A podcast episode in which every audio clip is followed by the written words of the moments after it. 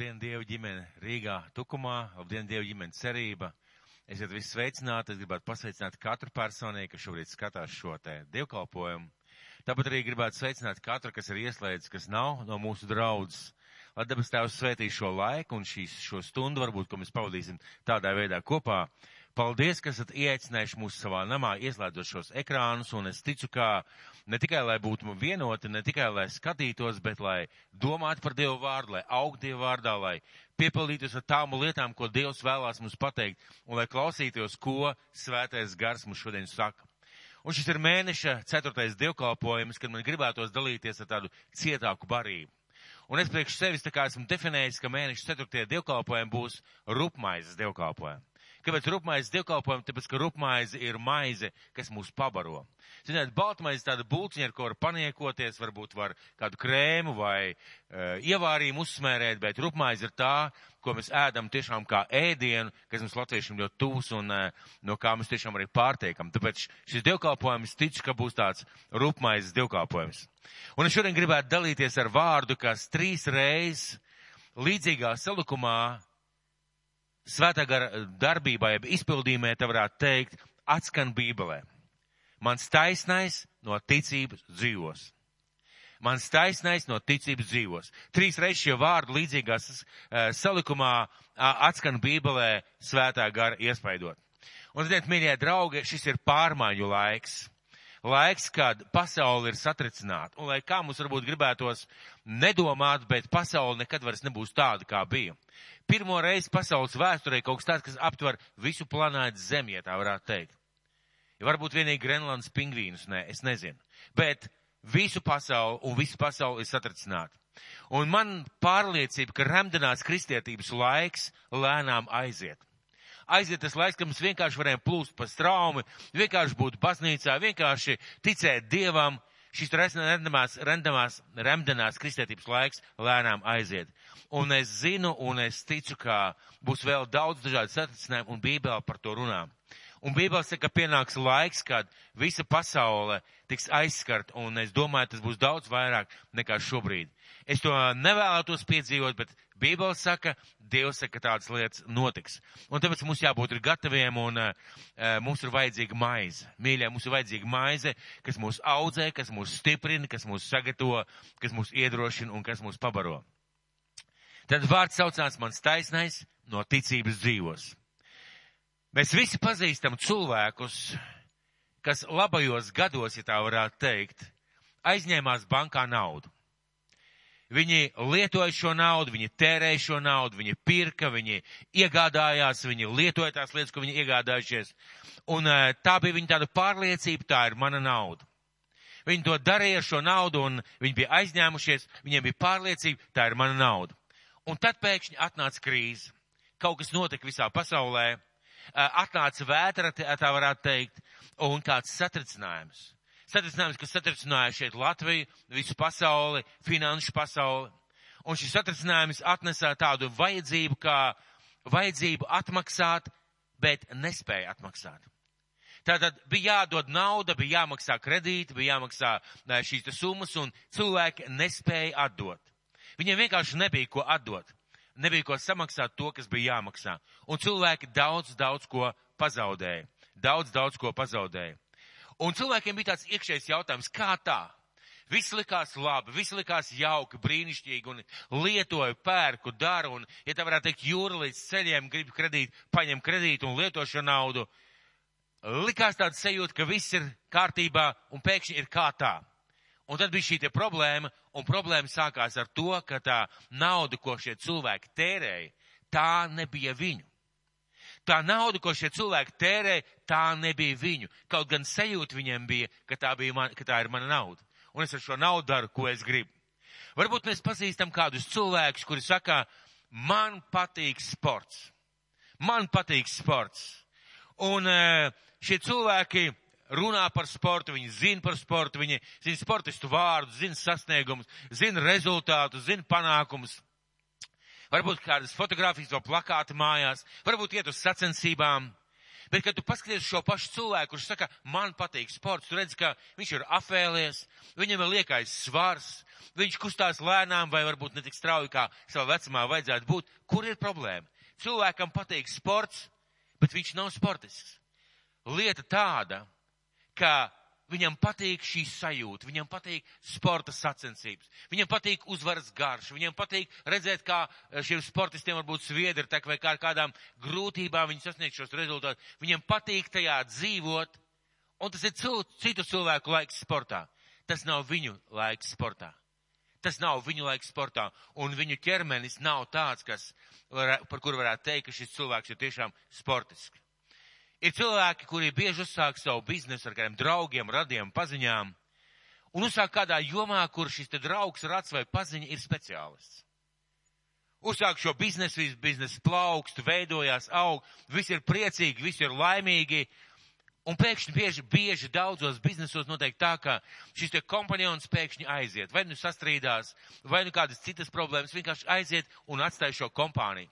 Un ja tu personīgi neesi mācījies no sava kolēģa, ja tu personīgi neesi apgūst to, kas vajadzīgs tavam darbam un tavam biznesam, šis bizness sabrūk. Kāpēc? Jo tās zināšanas, tā pieredze, tā saprašana par šīm lietām, tā nebija tavējā. Tā bija tā otra cilvēka, un tad, kad tev pašam jāuzņemās atbildība vai jānostāj šo problēmu priekšā, tu vienkārši to nespēji. Kāpēc? Jo tās nebija tavas zināšanas es gribētu padalīties ar kādu līdzību. Un eh, šī līdzība nāk no padomu laikiem, un es šo līdzību izlasīju kādā žurnālā, jau kādā grāmatiņā kaut kādreiz padomu laikos izdeva ar nosaukumu Dācis. Es domāju, ka vecākā paudze mani sapratīs, šīs grāmatiņa, humora grāmatiņa saucās ar nosaukumu Dācis. Un šajā grāmatā bija tāda līdzība. Kāds vīrs daudzus gadus brauc pie mašīnas stūras, vadā sievu, Un sieva nepārtraukti viņam pamāca un saka, kā braukt, kur braukt, kāpēc braukt, uzmanies tur, uzmanies tur, uzmanies tur. Un tad notiek tā, ka šī sieva pat iegūst tiesības. Un tagad viņa brauc, un šī sieva nepārtraukti prasa vīram, vīrs, kā man tagad darīt, a kā man tagad, a kā man šito, a, a, a, a kā man rīkoties. Un vīrs skatās, viņa saka, dīvaini.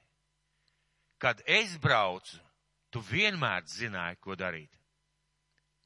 Kāpēc? Jo tā nav bijis tava pieredze. Un par ko ir jautājums? Es domāju, ka jūs jau sākat nojaust un apmēram saprast. Un es gribētu jūs vest uz vēstuli ebrejiem desmito nodaļu, 35. 39. pants. Lasīsim šo pantu, šos pantus, un eh, šis, eh, šie panti ir mūsu draudzes tā kā moto panti, jeb tādi mūsu draudzes panti. Un pirms šiem pantiem vēstulē ebrejiem šis autors runā par tām ciešanām un pārbaudījumiem, caur kurām šie cilvēki ir gājuši.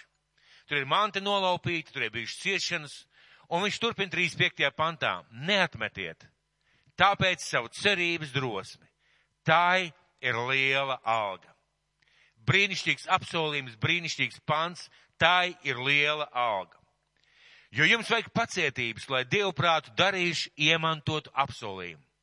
Šajā pantā svētais gars saka, jums vajag pacietību, lai jūs iemantot apsolījumu, jo tālāk, jo vēl maz brīdis, un tas, kam jānāk, nāks un nekavēsies.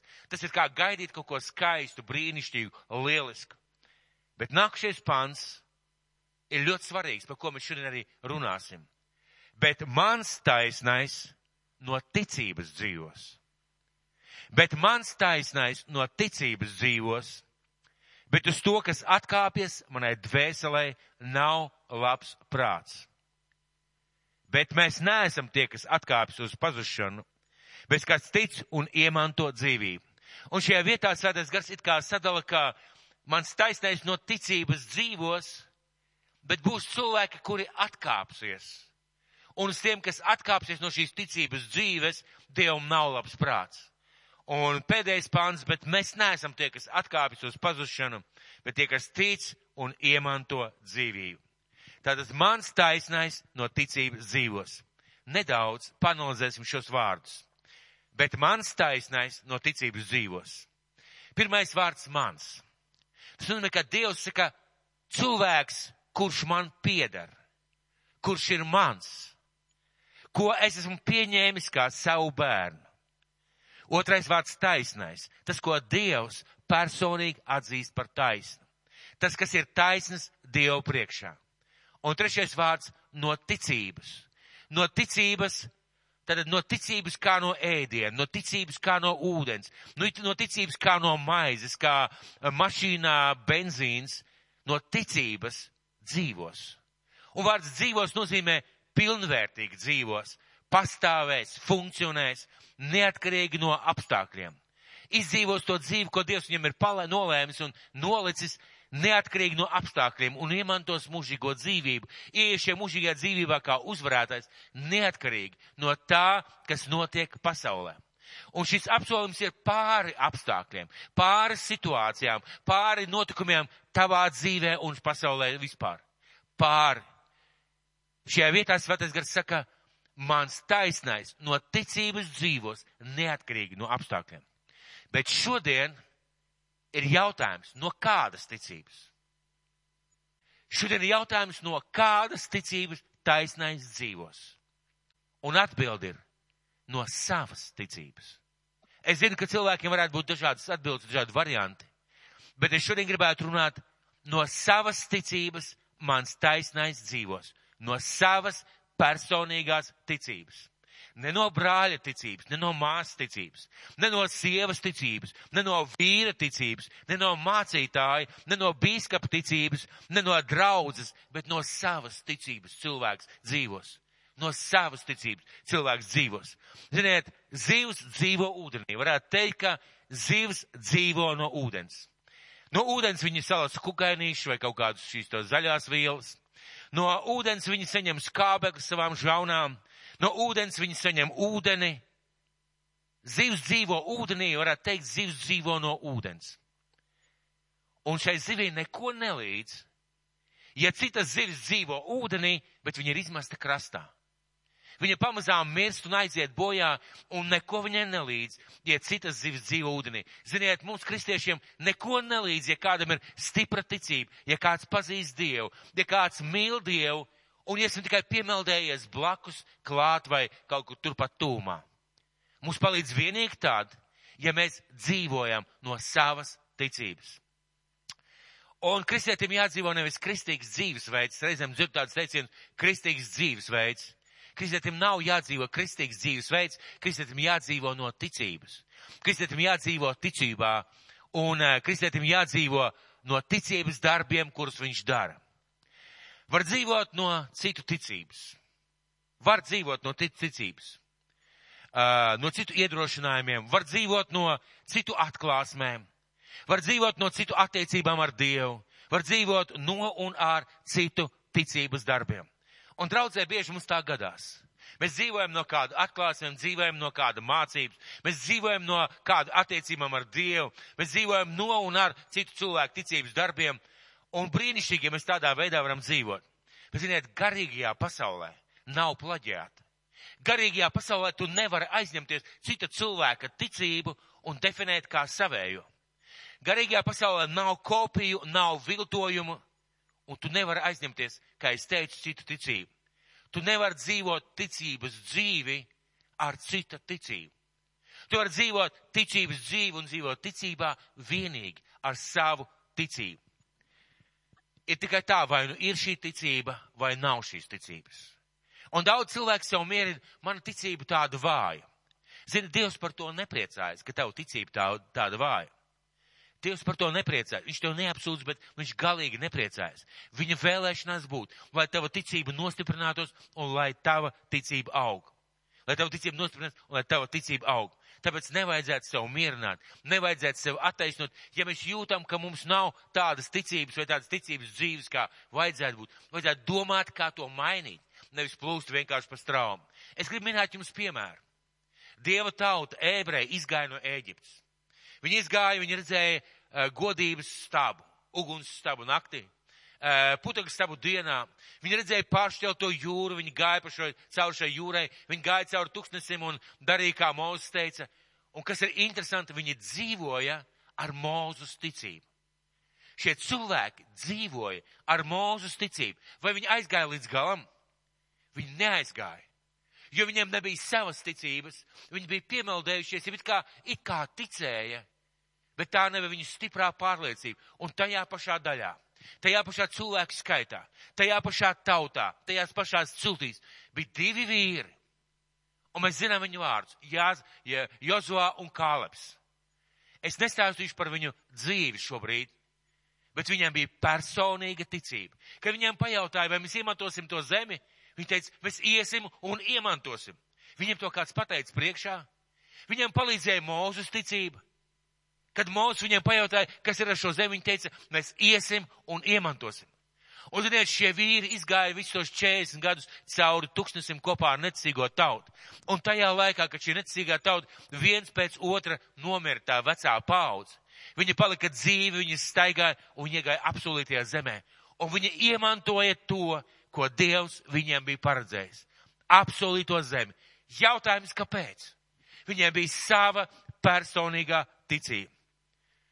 Un to, vai mums ir pašiem savu personīgā ticība, parāda vētras, parāda notikumi, kad mūsu ticība tiek bombardēta, kad mūsu ticība tiek pārbaudīta. Mēs bieži lūdzam debes tēvs sargā mani, pasargā mani, palīdz man, mēs pareizi darām.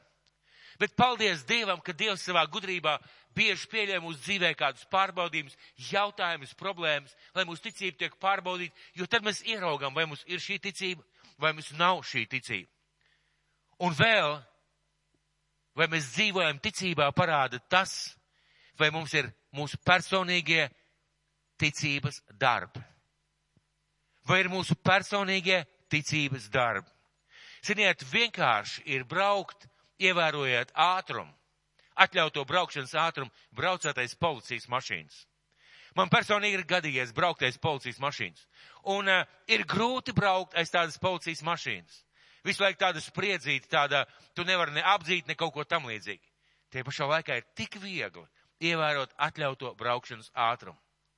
Bet daudziem no mums ir tik grūti braukt ar atļauto braukšanas ātrumu, ja pa priekšu nebrauc policists. Ziniet, kāpēc? Ja mums pietrūks pašiem šīs te iekšējās pārliecības, es nebraukšu ātrāk. Man gribētos, ir pi, pilnīgi pliks ceļš, taisna līnija, brauc, pieņemsim uz Ventspili, bet es nebraukšu ātrāk, jo tas nav pareizi. Redziet, ir kādi apstākļi, kas mūs ierobežo, mums viegli ievērot, mums viegli ticēt, mums viegli stāvēt tajā visā. Bet ja nav šo apstākļu, kas mūs ierobežo, parādās, vai mums ir šī ticība vai nav.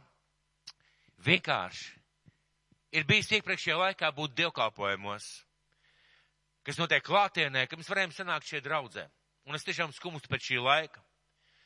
Eh, bija kauns neatnākt. Bija taču svētdiena, kauns neatnākt.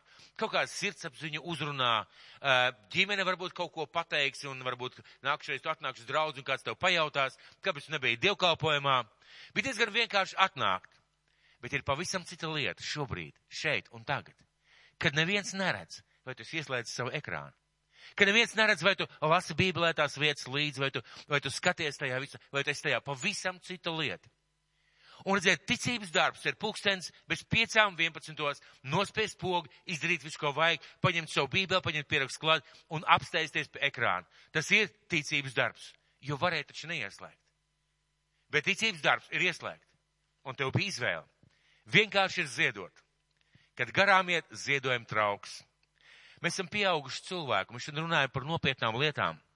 Ir tik vienkārši ziedot, cik tev ir vai cik tu gribi tajā reizē, ja garām iet ziedojumu trauks un tu jūties nērti, visi tā kā met un tu tā kā neiemet neko iekšā, tu tā kā neko neziedo. Pavisam cita lieta. Apzināties, ka neviens neredz. Neviens nekontrolē, neviens nezinās, tu ziedoji vai tu neziedoji. Un, kad iet runa par ziedojumiem vai par, par kaut kāda veida atbalstu draudzēji, Eh, izdarīt tādu lietu, kā pārskaitīt savus ziedojumus, savu desmitoties ziedojumus. Vai sameklēt kādu iespēju caur, caur mūsu diekonu kalpošanu un, samak, un ziedot šo naudu. Un lai to darītu, mīļie, lai to darītu, ir vajadzīgs, vajadzīga personīga ticība, ja personīgs ticības darbs. Vienkārši ir, kad draudzē lūdz Dievu par draudz. Pielūksim Dievu visu par draudz, lūksim visu Dievu par draudz. Ir vienkārši lūgt Dievu, jo kāds pateica, un tagad mums ir lūkšana laiks. Pavisam citu lietu. Katru dienu, kad tu sāc savu la, dienu ar Dievu, lūgt par draudz. Pavisam citu lietu ir, kad reizēm pat varbūt negribās pulkstens deviņos nospiest to zvanu vai uzlikt zvanu taisnā deviņos zvana un kopā ar draudzi lūgt Dievu savās mājās. Un, mīļie, tas ir ticības darbs. Kāpēc tā? Kāpēc tā? Kur ir starpība? Starpība tāda, ka tev jādarbojas tavā personīgai ticībai. Ka caur šīm lietām jādarbojas tavai personīgai ticībai un pārliecībai. Un uh, es dzīvoju ticībā caur ticības darbiem. Ir cilvēki saka, es ticu. Bet, kad mēs paskatāmies uz cilvēka dzīvi, bez jebkādiem pārmutumiem, jautājums ir, kādi ir tavi ticības darbi? Kas ir tie darbi, kurus varētu pateikt, tie ir darīti ticībā un ticības dēļ? Un, eh, ziniet, mīļie draugi, šodien, šodien, nākošnedēļ ir aktuāli, aktuāli vai kāda ir tava personīgā ticība un es ticu, ka nākotnē būs ļoti aktuāli, vai man ir mana personīgā ticība. Mans taisnais no savas ticības dzīvos. Ieklausoties šajos vārdos, Dievs saka, mans taisnais, un šeit es pielikšu vienu vārdu klāt, no savas ticības dzīvos, jo tā ir domājis Dievs no savas ticības. Un, ziniet, ticība nepastāv vienkārši vārdos, bet tā parādās. Ticība nevar, zinies, ticu, parāda man ticību. Zini, es ticu, ticība parādās, atdzīvojās, realizējās, materializējās, tā aug un ticība darbojās ticības darbos. Mēs kādreiz esam skatījušies filmas, kurās vecā laika filmās ir parādīts, kā e, policisti vai kā inspektori meklē noziedznieku pirkstu nospiedumus. Tu skaties uz to glāzi un tur nekā nav. Tur ir pilnīgi tukšs. Bet te tiek uzvērts kaut kāds pulverīts, un šie pirkstu nospiedumi tiek atklāti. Viņi parādās. Un mūsu ticība ir kā šis pulverīts, caur ko parādās mūsu ticības darbi.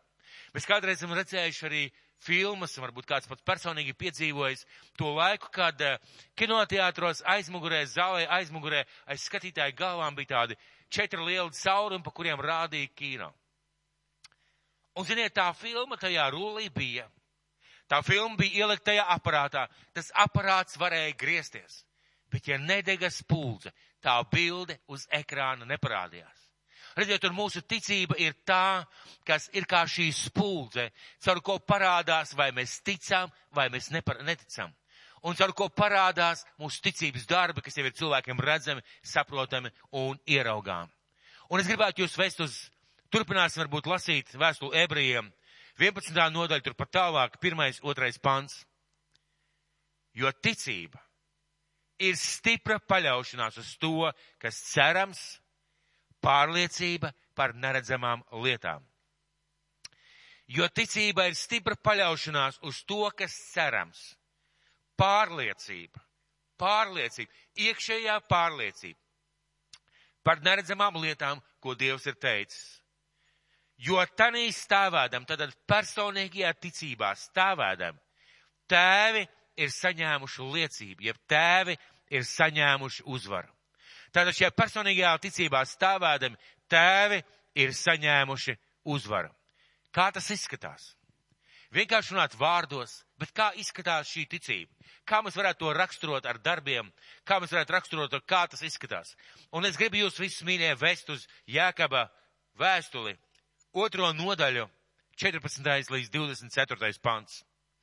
Jākap vēstuli otrā nodaļa no 14. līdz 24. Un pēc tam 26. pants. Lasīsim kopā. Es domāju, ka daudzi jau ir lasījuši, bet lasīsim kopā. Un šeit iet runa par materializētu ticību. Par ticību, kas atdzīvojās darbos. 14. pants. Ko tas palīdz mani brāļi, ja kāds teic, tam esot ticība, bet tam nav darbu? Ja tam nav personīgo ticības darbu, ko tas viņam palīdz? Un kāds varētu teikt, nu kā? Es ticu Jēzum Kristum, es ticu viņam kā savam kungam, kā savam pestītājam, man ar ticību pietiek. Lūk, svētais gars grib ar tevi parunāt par šo jautājumu. Ko tas palīdz mani brāļi, Ja kāds teica, ka tam esot ticība, bet tam nav ticības darbu, vai ticība viņu var izglābt? Vai te var izglābt tas, ka tu nāc uz dievkalpojumu? Vai te var izglābt tas, ka tu esi vienkārši draudzē? Vai tev var izglābt, vai tavu dzīvi var sakārtot un izmainīt tas, ka tu vienkārši skaities kristietis? Nē, protams. Un tālāk Jēkabs runā kādu ļoti vienkāršu praktisku piemēru. 15. pants. Ja brālis vai māsa ir kaili, un tiem trūks dievišķās, dienišķās barības, tad, tad ir vajadzība. Ja kāds no jums teiktu, ejiet ar mieru, sildieties un baudiet barību, tad teiktu ticībā. Ticībā uz Dievu, ticībā uz to, ka Dievs parūpēsies, ticībā, ka Dievs darīs, ticībā, ka dos, ka Dievs darīs caur taviem vārdiem. Bet nedot viņiem to, kas miesai vajadzīgs, ko tas palīdz. Ko palīdz ticība, kas balstās tikai teorijā? Ko palīdz ticība, kas balstās tikai tādā vispārējā ārējā ticēšanā? Tāpat arī ticība, 17. pants. Ja tai nav darbu, tā ir pati par sevi nedzīva. Ja ticībai nav ticības darbu, tad tā ir pati par sevi nedzīva. Bet gan kāds teiks, tev ir ticība, man ir darbi, jeb ticības darbi. Parāda man savu ticību bez darbiem, un es tev parādīšu savu ticību no saviem darbiem. Un redzēt, šī ir vieta, kas mūs zināmā mērā konfrontē. Kāpēc? Tāpēc, ka, mīļie draugi, svētais gars pirms tam teica, mans taisnais no ticības dzīvos. Dzīvot nozīmē kaut ko darīt, kustēties, rīkoties. Un šajā pantā tiek teikts, ka tev ir ticība, bet man ir darbi. Parādi man savu ticību bez ticības darbiem, un es tev parādīšu savu ticību no saviem darbiem. Vai mēs varam parādīt savu ticību no saviem darbiem? Tu tici, ka ir viens dievs, tu dari labi. Arī ļaunie gari tic un drēb. Bet vai tu gribi zināt, tukšais cilvēks, ka ticība bez darbiem ir nedzīva? Ticība bez darbiem ir nedzīva. Ticība bez personīgās ticības, bez personīgiem ticības darbiem ir nedzīva. Un tālāk. Jēkabs mums ved kādā stāstā par kādu cilvēku, ko mēs pazīstam ar vārdu Ābrahams. Un sakot no 20 pār, 21. panta, Ābrahams, mūsu tēvs, Vai ne no darbiem viņš tāpat taisnots, ziedodams īzak savu dēlu uz altāru? Tu redzi, ka ticība ir līdzi darbojusies viņa darbiem, un tā darbos ticība ir tikusi pilnīga. Un ir piepildīti raksti, kas saka, Ābrahams ticēja Dievam, un tas viņam tika pielīdzināts par taisnību, un viņš tika nosaukts Dieva draugs. Redziet, ka no darbiem cilvēki tiek taisnots ne no ticības vien. Un es gribētu nedaudz paskaidrot šo vietu. Abrahams ticēja Dievam. Viņš ticēja Dievam un Dieva apsolījumiem. Un Dievs saka Abrahamam, Abraham, ej un ziedo uz Morijas kalna savu vienīgo dēlu. Un Abrahamam ir jātic kā Dievs, kurš solīja, ka No pēcnācējiem nāks cilvēku kā jūras smilts, kam jātic šiem vārdam. Viņam ir jāiet jāupurē savs vienīgais dēls ar ticību, ka Dievs spēj atdzīvināt šo viņa dēlu, ko viņš ziedos. Un viņš ved šo savu dēlu, mēs varam lasīt to stāstu e, Mozus grāmatās, pirmajā Mozus grāmatā, bet mēs varam ieraudzīt, ka ejot pa šo ceļu, ekāpjot šajā kalnā, paceļot šo nāzi, darot šo ticības darbu, Viņa ticība atdzīvojās, jeb realizējās, jeb kļūst materiāla, un Dievs to redz no debesīm, un vienā mirklī saka, beidz, Abraham, es redzu, ka tu man tici. Un tādā veidā ticība viņam tiek pielīdzināta par taisnību. Ticības spēks, ticības varēšana, ticības darbs viņam tiek pielīdzināts par ticību, jo bez ticības nevar patikt. Un 26. pants. Līdzīgi kā miesa bez gara ir nedzīva ticība, tāpat arī nedzīva ir ticība bez darbiem. Līdzīgi kā miesa bez gara ir nedzīva, tāpat arī nedzīva ir ticība bez ticības darbiem. Un es šodien negribētu nevienam neko pārmest, es gribētu tikai teikt, lai mēs ieraugam šo skaidro līniju, kā Dievs skatās, ka, mo, ka mēs varam dzīvot no savas ticības, bet ticībai ir jābūt šiem ticības izpausmēm. Mīļie, un stāsts nebeidzās. Stāsts nebeidzās. Vēstulē ebrejiem, vēstulē ebrejiem, 11. nodaļā 32. līdz 34. pants. Ko vēl lai es saku? Man pietrūka laiks stāstīt par Gideonu, Baraku, Simpsonu, Jeftu, Dāvidu, Samuēlu un praviešiem, kas ar savu personīgo ticību valstis ir uzvarējuši, kas ar savu personīgo ticību ir taisnus darbus darījuši, kas ar savu personīgo ticību ir apsolījumus saņēmuši un ar savu personīgo ticību lauvu rīklus aizbāzuši. Ar savu personīgo ticību uguns spēku nodzēsuši, zobenu asmanim izbēguši, pārvarējuši nespēku, karā stipri kļuvuši, svešus karapulkus piespieduši beigt ar savu personīgo ticību, kas materializējās ticības darbos, vai lūkšanā, vai karā iešanā, vai kādā darīšanā, materializējās šajos ticības darbos. Un, ziniet, mūsu piemērs ir Jēzus Kristus. Un mēs šeit sludinām Jēzu Kristu krustā sisto. Un ja es atnācu šo zemi, viņš nokāpa no debesu godības, viņš atstāja savu dievišķo varenību debesīs. Viņš nonāca šo zemi, tāpēc, ka tēvs viņu to, to aicināja darīt, jeb lūdz to darīt, jeb lika to darīt. Un viņš ticībā uz tēvu un ticībā, ka tēvs zina, ko dara. Un ticībā, ka tēvs viņu cels augšā, viņš staigāja un mācīja cilvēkus. Viņš dziedināja slimus, cēla augšā mirušos. Viņš uh, gāja ticībā uz šo Golgāts krustu, labprātīgi, nevienu nepiespies. Un viņš nomira šajā krustu nāvē, ko mēs saucam par šausmīgu un briesmīgu nāvi, ticībā, ka tas izglābs cilvēkus. Ticībā, ka viņš celsies augšā un mīļā viņš piepildīja šo vārdu. Viņš piepildīja šo savu ticības ceļu. Viņš to piepildīja un tas mūs glābi. Bet ziniet, es jau minēju, kāpēc viņš to izdarīja. Es gribētu lasīt no vēstules ebrejiem 5. 7. pants. Vēstule ebrejiem 5. 7. pants.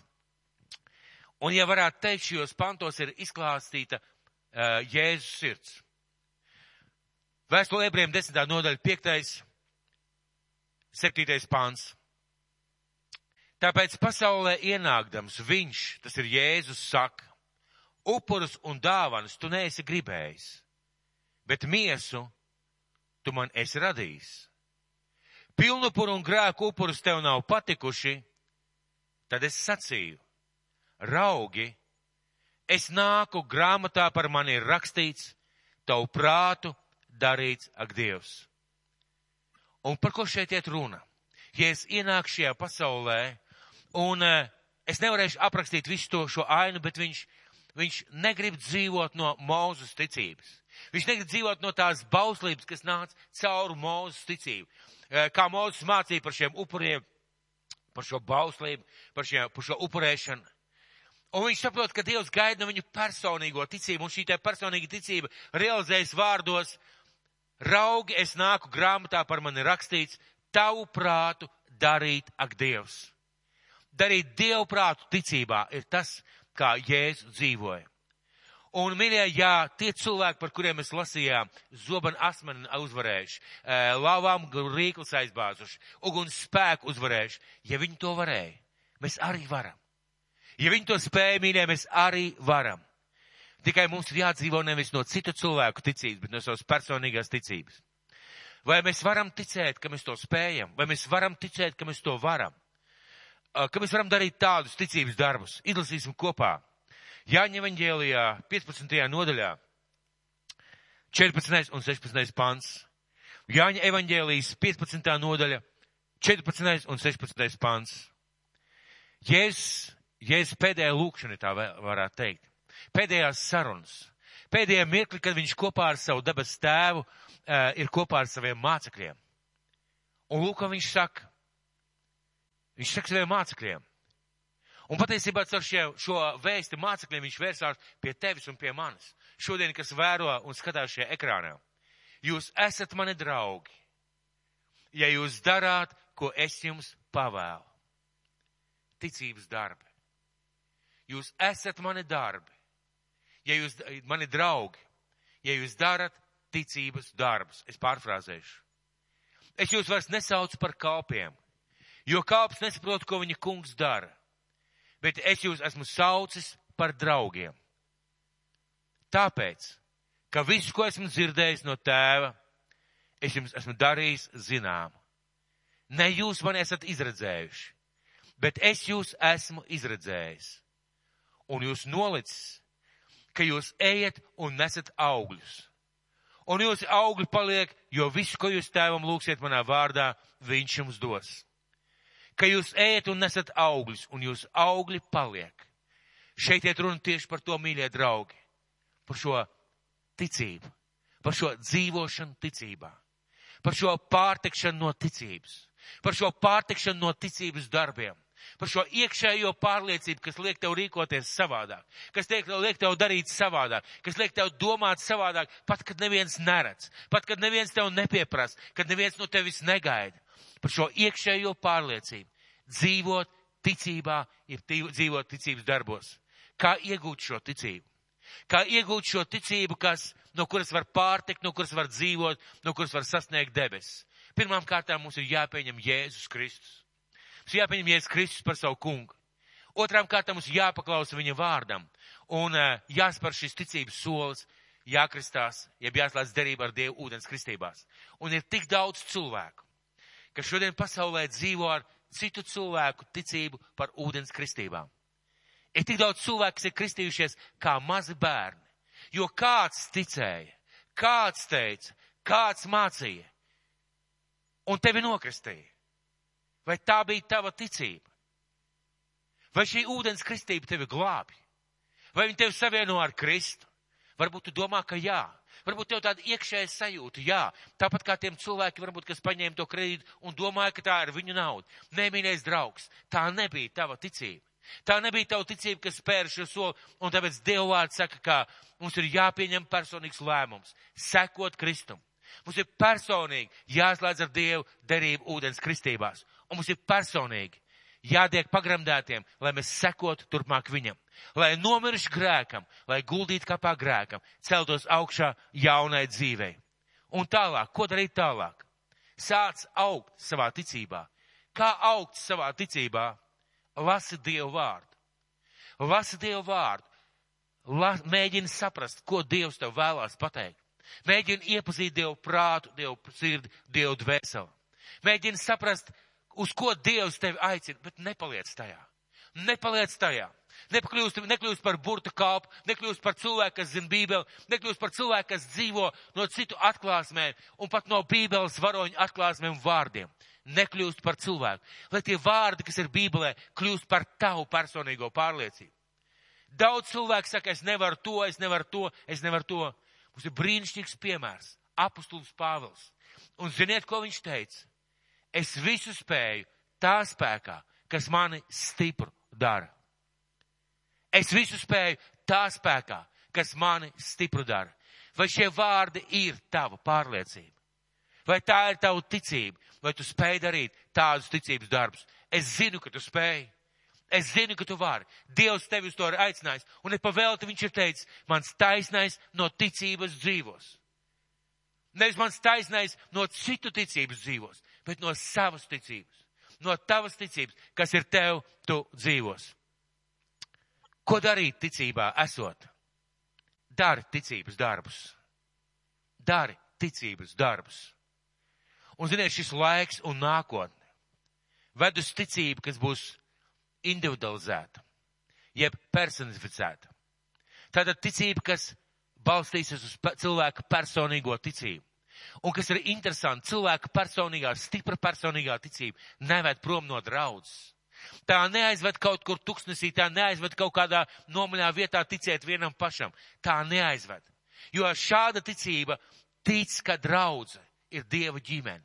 Tic, ka draudze ir Dieva instruments. Tic, ka tev ir jābūt, ka man ir jābūt kādā Dieva ģimenē, kur es kalpoju ar savu dāvanu. Un šāda ticība tevi aizved uz draudzi tev pievieno draudzē un dara tev stipru draudzē ar tām dāvanām un ar to kalpošanu, kas ir tev paredzēta. Šis laiks pieprasa un pieprasīs. Nenošķirties, bet taisni otrādi. Vēl vairāk piepulcēties draudzē. Un ziniet, mīļie draugi, es gribētu pateikt kādu svarīgu lietu. Ka pienāks dienas, kad katrs mēģinājums, tie laikā, kas nāks, dzīvot ar cita cilvēka ticību un ne ar savu, beigsies ar fiasko. Pienāks laiks, ja tev nebūs savas ticības, tas novedīs tev pie fiasko. Bet tu esi aicināts noticēt un veidot savu ticību, augt savā ticībā, piepildīties savā ticībā. Un izrazīsim varbūt vēlreiz šo te pantu no vēstules ebrejiem. Neatmetiet tāpēc savu cerības drosmi. Tai ir liela alga. Jo jums vajag pacietības, lai dievprātu darījuši iemantotu apsolījumu. Jo vēl mazs brīdis, un tas, kam jānāk, nāks un nekavēsies. Bet mans taisnais. Dievs saka, bet mans taisnais. Bet tas, kas būs mans, un tas, kas būs taisns manā priekšā, no ticības dzīvos. Un, protams, no savas ticības dzīvos.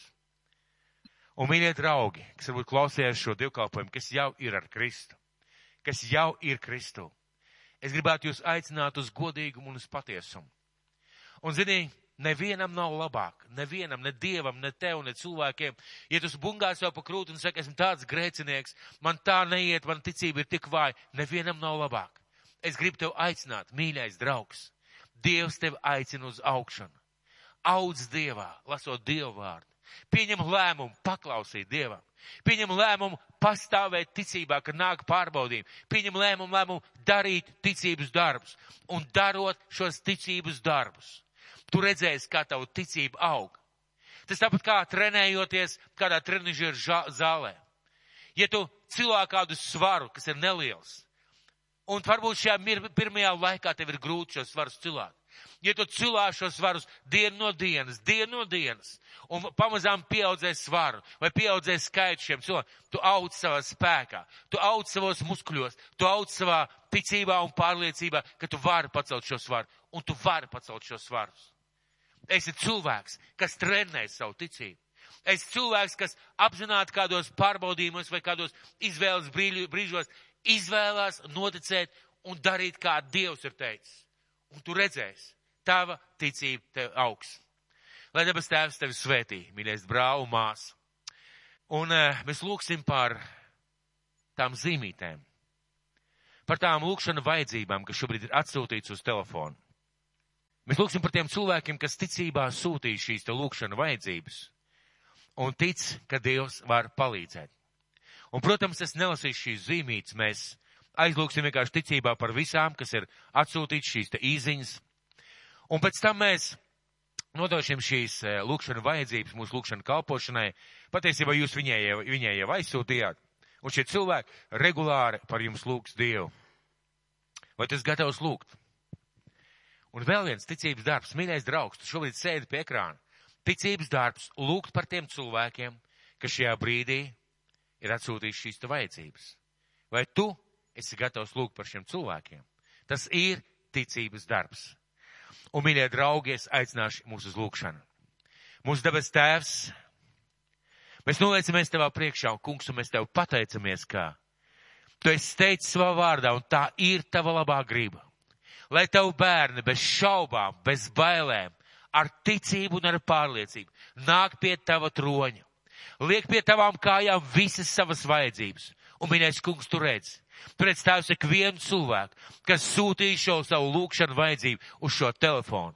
Debes tēvs, mēs šobrīd šajā garīgajā pasaulē iestājamies par šiem cilvēkiem, mēs lūdzam Jēzus Kristus vārdā. Pieskaries šīm vajadzībām. Pieskaries, kungs, šo cilvēku Eh, problēmām. Debes Tēvs dziedini, kam ir vajadzīga dziedināšana. Tēvs svētī, kam ir vajadzīga svētība. Tēvs palīdz, kam ir vajadzīga palīdzība. Jēzus Kristus vārdā.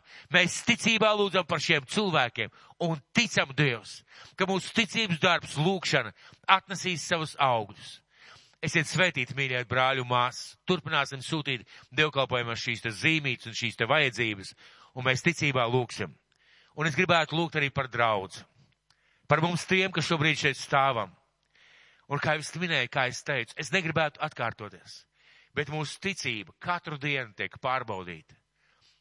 Kādus vārdus teiksim, kādus darbus darīsim, kā skatīsimies uz cilvēkiem, kā skatīsimies uz Dievu, kā darīsim ar lietām, ko Dievs mums ir uzticējis. Mūsu ticības darbi. Es gribētu lūgt, lai mēs augam visticībā.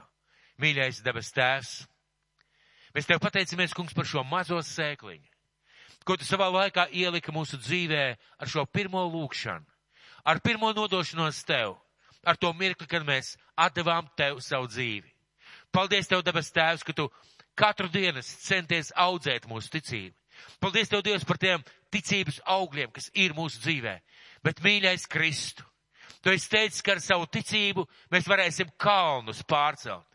Tu esi teicis, ka ar savu ticību mēs varēsim teikt, kokam meties jūrā, un viņš metīsies jūrā. Debes Tēvs, tu esi teicis, ka ar savu ticību mēs varēsim staigāt pār čūskām un skorpioniem, ka mēs varēsim pat dzert indi un nekāds ienaidnieks spēks mums nespējas kaitēt. Tu esi teicis Dievs, ka ar savu ticību mēs varēsim rokas uzlikt slimiem cilvēkiem, un viņi tiks dziedināti. Debes Tēvs, es tev lūdzu, svētī un audzē mūsu ticību. Dievs palīdz katram personīgi ieraudzīt, kas ir ar manu ticību, ar manu personīgo ticību, un svētī Dievs, ka šī ticība aug caur mūsu ticības darbiem, ka mēs trenējam šo ticību, ka mēs veidojam šo ticību Dievs, un ka mēs tiešām dzīvojam, ka mēs esam tie taisnie, tavi taisnie, kas dzīvo ticībā. Kā tavs vārds saka, mans taisnais ticībā dzīvos. Lai debes tēvs jūs visus svētī.